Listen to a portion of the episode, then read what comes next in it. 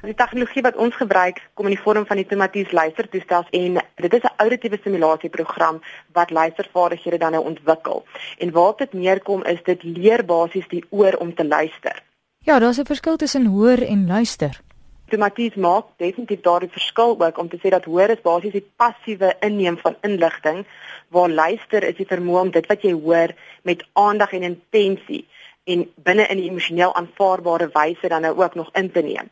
So daar's verskeie komponente wat saam moet werk vir jou om goeie luistervaardighede te hê. So die vorm wat ons gebruik is auditiewe stimulasie. Hoe dit toestel dan ook dan nou werk is jy luister vir 2 ure 'n dag vir 'n geruime tyd. Dit is nogal 'n intensiewe proses wat jy dan hierdie stimulasie deurgaan deur na spesifieke musiek te luister.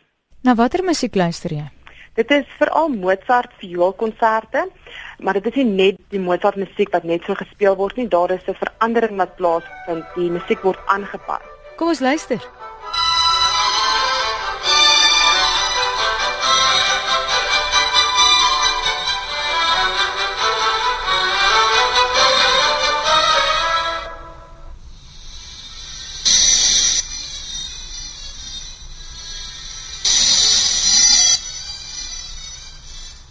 Klink baie elektronies, asof jy nou so 'n bietjie suisklanke ook ingesit het.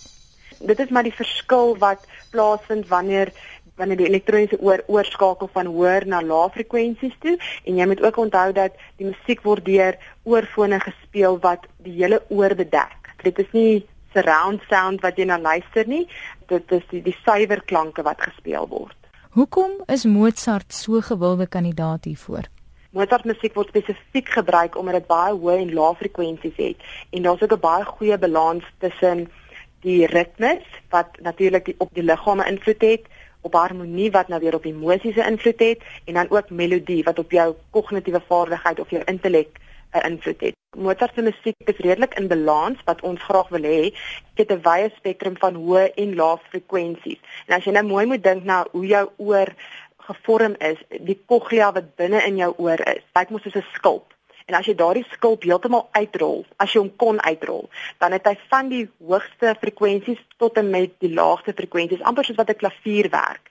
So daardie frekwensies word almal gestimuleer deur die Mozart musiek wat dan deur die tomaties verander word deur die elektroniese oor.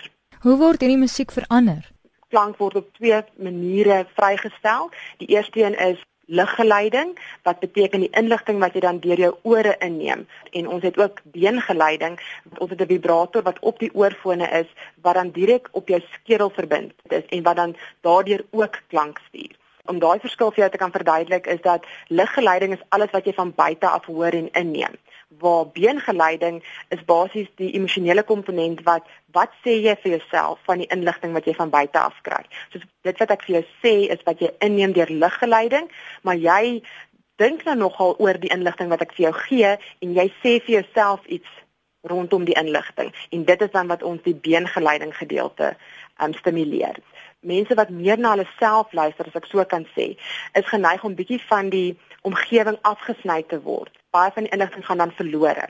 So wat ons graag wil hê is daar moet 'n balans wees tussen hoe jy na jouself luister en dan hoe jy na jou omgewing luister.